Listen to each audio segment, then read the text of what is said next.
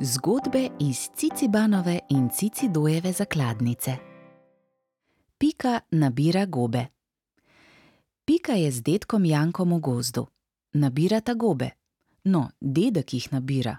Pika ni našla še nobene, vsaj takšne ne, kot jih nabirata ona dva. Drugih je veliko. O, kako si Pika želi, da bi našla jurčka ali lisičko. Pa nič. Malce je že naveličana. Ko pa je naveličana in zraven še malo lačna in žejna, postane našpičena.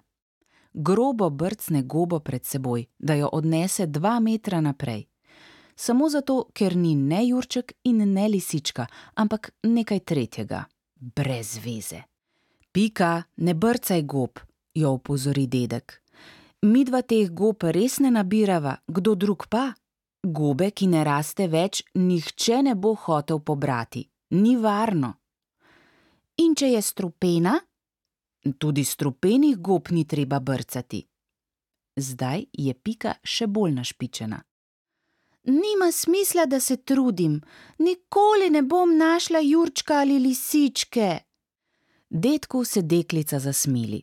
Rad bi ji privoščil gobarsko veselje, ko pred seboj zagledaš gobo, ki jo iščeš.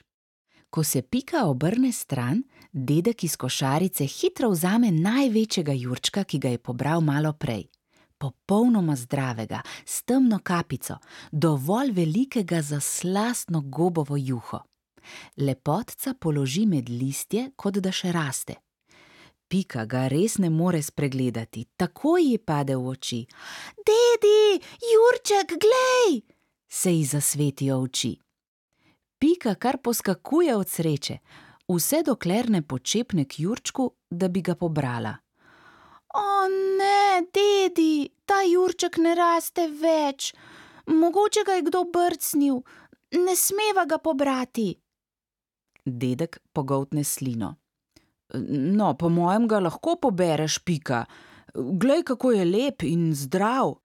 Ne, dedi, saj si malo prej sam rekel, da gob, ki ne rastejo več, ni varno pobirati. Greva. Dedek se kislo nasmehne. Adijo gobova juha. Prav, Pika, včasih res do pike natančno upoštevaš navodila. In gresta. Zgodbo Pika nabira gobe je napisala Darja Divjak Jurca. Brala sem Katja Preša.